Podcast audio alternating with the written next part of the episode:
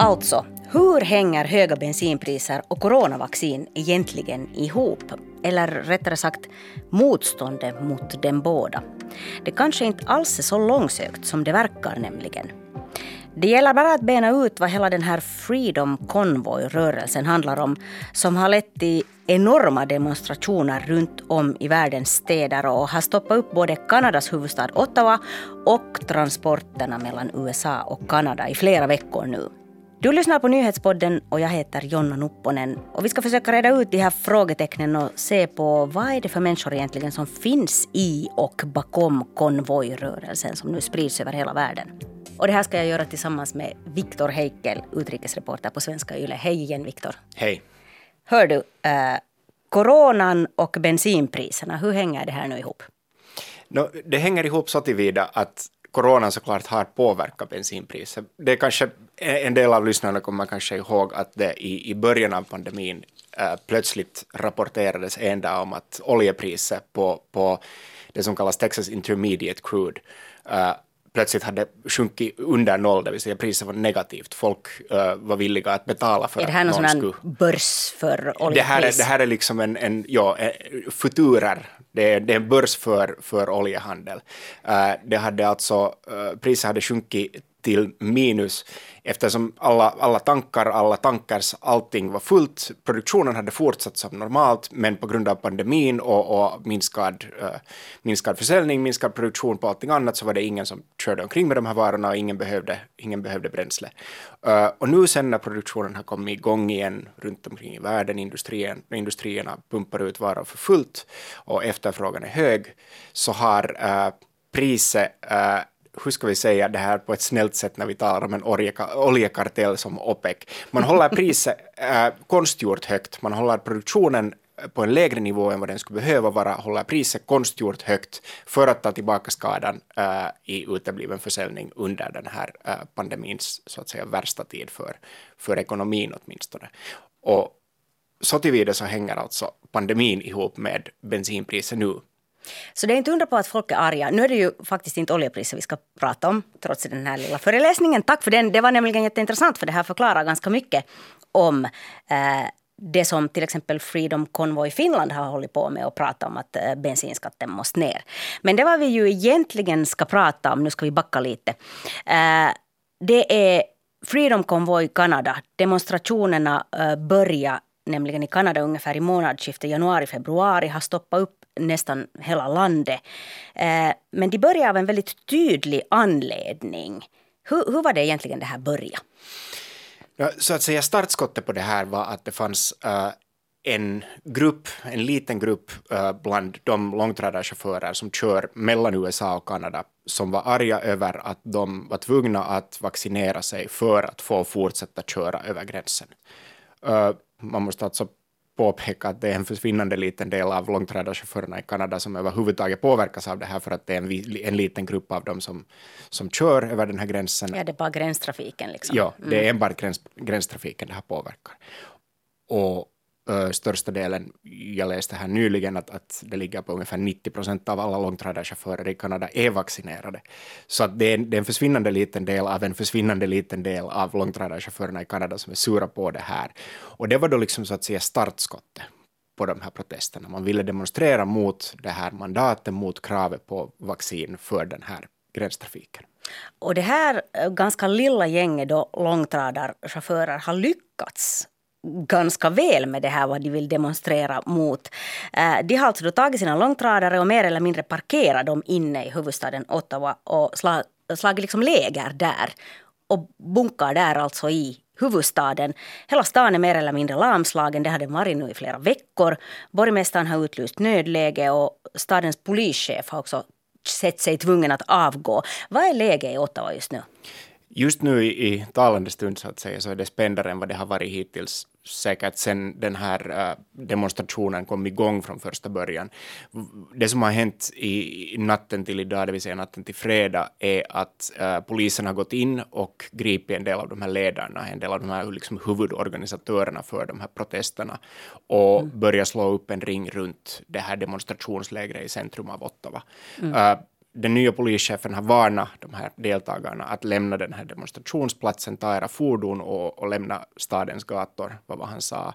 För här, den här helgen kommer inte att se likadan ut som de tidigare helgerna hittills under protesterna. Och vad han menar med det var att han, han hänvisar liksom till den här kritiken mot att polisen och myndigheterna i allmänhet har varit för slapphänta. För Ottawaborna i allmänhet är, är fly förbannade på att den här demonstrationen har fått pågå det har stört deras det liksom normala livet har, har helt och hållet lagts på is i stora delar av staden på grund av den här protesten. Och nu försöker man då liksom svara dels på, på det här säkerhetsläget och på, på stadens invånares liksom önskemål. Men orsaken till att det är så spänt och, och att man inte liksom bara går in och tömmer det här lägret är det att, att de som är kvar är liksom den, den mest radikala kärnan av de här deltagarna, de som kanske liksom är de, de mest benägna att göra motstånd. Och eftersom man också har hittat vid tidigare tillslag äh, vapen och, och annat bevis som tyder på att det fanns planer på att göra våldsamt dödligt motstånd mot polisen, mm. så, så tar man det här sådär ett steg i taget från polisens håll nu. Mm. Det här har inte påverkat bara huvudstaden Ottawa utan det här har också påverkat gränsövergångarna mellan USA och Kanada till exempel, vilket har påverkat i sin tur förstås handeln också. Uh, hur har egentligen det kanadensiska samhället drabbats så där vidare? Uh, den största, de största två exportvarorna till USA uh, har att göra med, med dels med matvaror som ju då inte håller så jätte, jättelänge i förvar i något långtradare som väntar på att komma över gränsen. Och det andra är, är bilindustrin, det vill säga det mm, produceras både bilar som säljs i USA och vice versa, och sen olika komponenter för, för bilindustrin i USA. Och de här två sektorerna har drabbats mycket, mycket snabbt och, och hårt av den här blockaden av de här två viktigaste gränsövergångarna för handeln.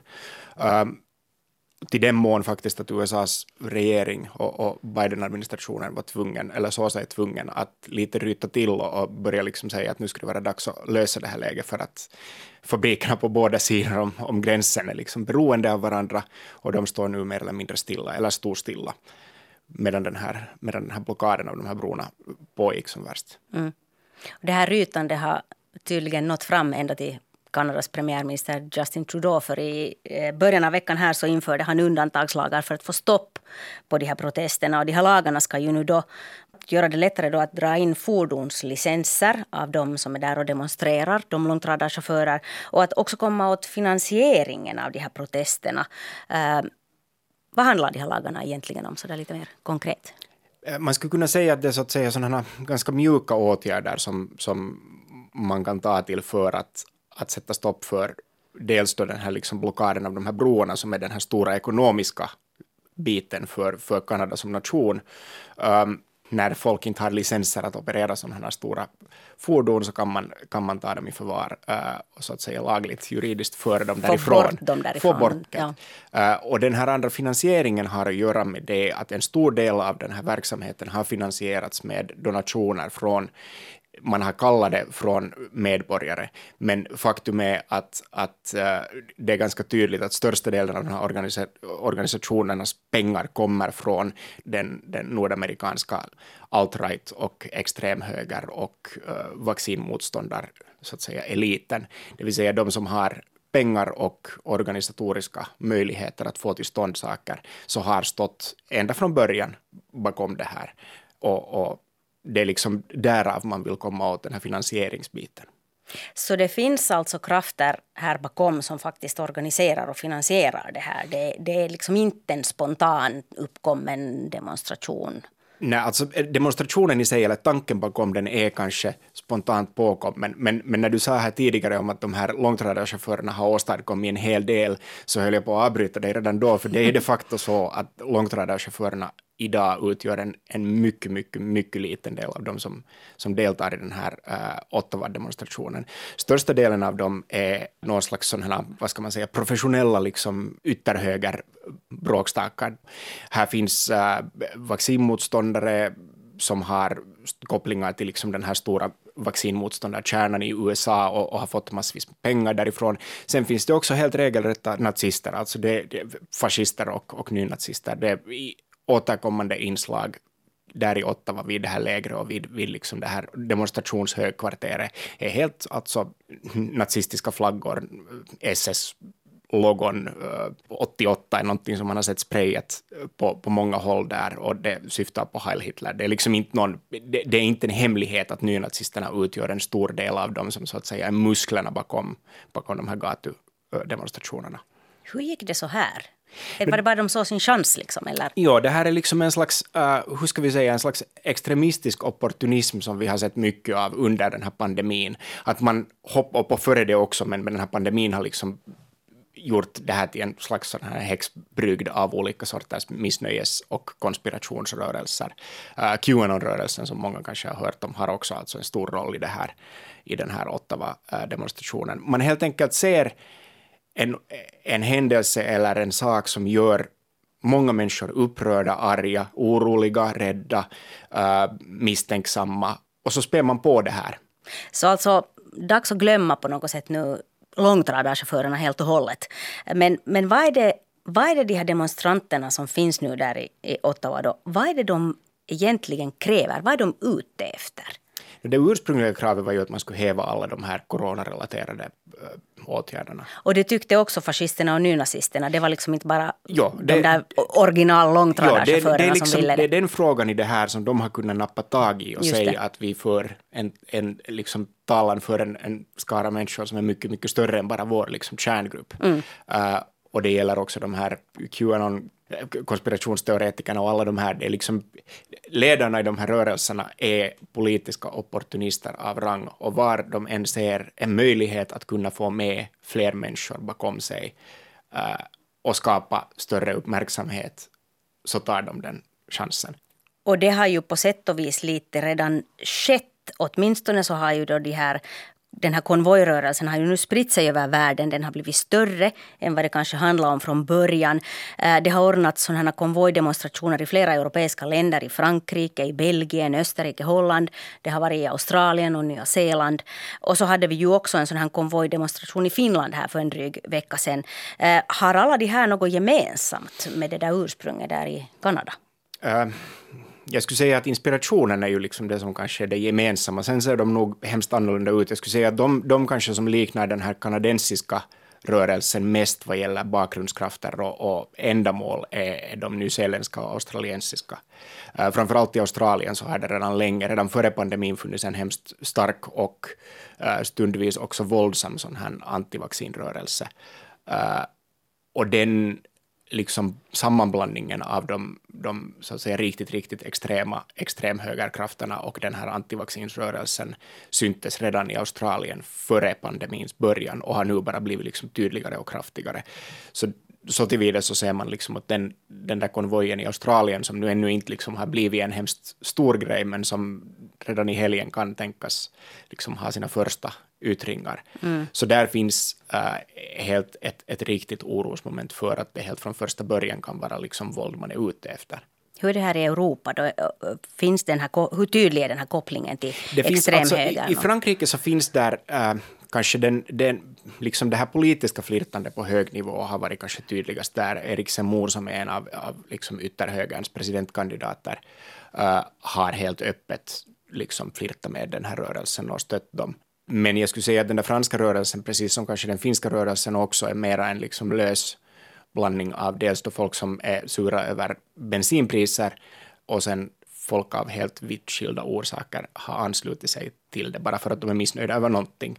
Um, så jag måste säga att jag vet inte riktigt hur den där, grund, liksom den där kärnorganisationen ser ut, den här liksom mm. ledningen. Okej, så det ganska brokiga skaror som samlas. Man är missnöjd med lite olika saker. Men ganska tydligt det där så, så handlar det ju om coronarestriktioner och att människor är väldigt trötta på det. Och också att människor är sura på, på de här olika formerna av vaccintvång som har införts. Både i Nordamerika och, och i vissa länder i Europa också. Men jag tänker så här, det här missnöjet just nu får väldigt mycket näring av coronarestriktionerna och tvång att vaccinera sig. Eh, så vad händer när coronapandemin är slut? Vi sitter ju här nu och hoppas och tror att den ganska snart ska vara över. Vad är din bedömning? Kan det gå över lika fort som det föddes det här, så fort pandemin så att säga är över? Jag tror att när pandemin är över och restriktionerna hävs så kommer en del av de här människorna som har anslutit sig till de här rörelserna att liksom inte längre bryr sig. Eh, de har en orsak att vara sura som de tycker att det är legitim och, och när den inte mera finns så är de inte längre sura. Däremot så ser vi helt klart att det är en massa människor som har också liksom, att det här har varit en inkörsport till extremare politiska tankesätt, helt extrema rörelser och de människorna kommer inte att lugnas av att pandemin tar över. Och, och den här grogrunden som vi har talat om, att de här liksom missnöjesyttringarna kan utgöra om de kidnappas eller kapas av sådana uh, extremistiska rörelser, så, så har liksom, den har burit frukt, det har liksom kommit nya medlemmar, det har kommit nya mm. människor som tänker i de här banorna. Och de här samma människorna som har hoppat på det här som en möjlighet att rekrytera och övertyga, så kommer att hoppa på nästa orsak att vara missnöjd. Och där kommer vi in på bensinpriserna igen som vi börjar här med ja. hela den här diskussionen. Det vill säga till exempel Konvoj i Finland så protesterar ju ingalunda bara mot coronarestriktioner utan också mot uh, mot bensinskatten, den borde sänkas och regeringen borde avgå. Och problemet med höga bensin och energipriser det lär ju inte försvinna lika fort som pandemin. Så att demonstrationerna består men ämnet byter. Det är liksom det som är kontentan. Ja, och, och de här människorna som... Och nu vill jag inte alls att det här ska verka som att jag sitter här och säger att folk inte ska demonstrera när de är missnöjda och inte liksom yttra sig och, och skrika i högan sky när de tycker att det finns orsak till det. Det orosmomentet här är det att rörelser som inte överhuvudtaget har de här människornas bästa i åtanke eller samhällets bästa i åtanke, utan bara ser det här som en möjlighet att rekrytera folk till extremism, utnyttjar sådana här spontana rörelser. Det har vi sett överallt i världen när sånt här har hänt och det finns ingen orsak att tro att vi i Finland eller eh, västvärlden överlag på något sätt skulle vara immun eller bättre funtade för att liksom motverka det. Mm. Tusen tack Viktor Heikel, utrikesreporter på Svenska Yle, för att du förklarade det här för oss. Du har lyssnat på nyhetspodden från Svenska Yle. Mitt namn är Jonna Nupponen. Producent är Ami Lassila och tekniker Micke Andersén. Fortsätt lyssna på oss.